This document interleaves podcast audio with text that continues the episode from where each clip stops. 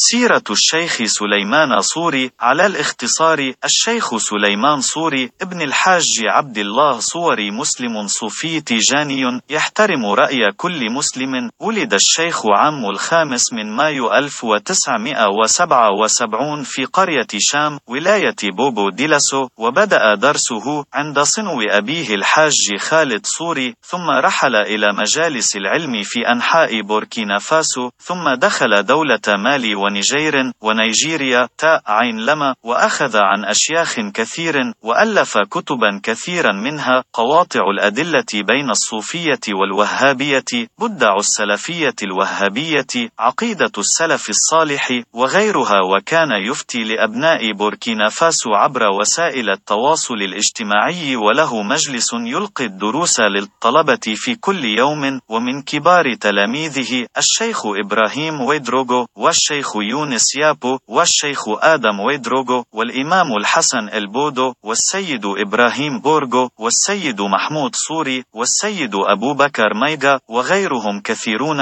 وممن ينوب عنه في الفتاوي الشيخ سعيد كابوري والشيخ طاهر كوماسي والشيخ سليمان في قيد الحياة عام 2021 نسأل الله المولى الكريم أن يطول عمره خدمة للإسلام والمسلمين ويحفظه ويستره بألطافه ورحمته ويباركه ويحسن عاقبته آمين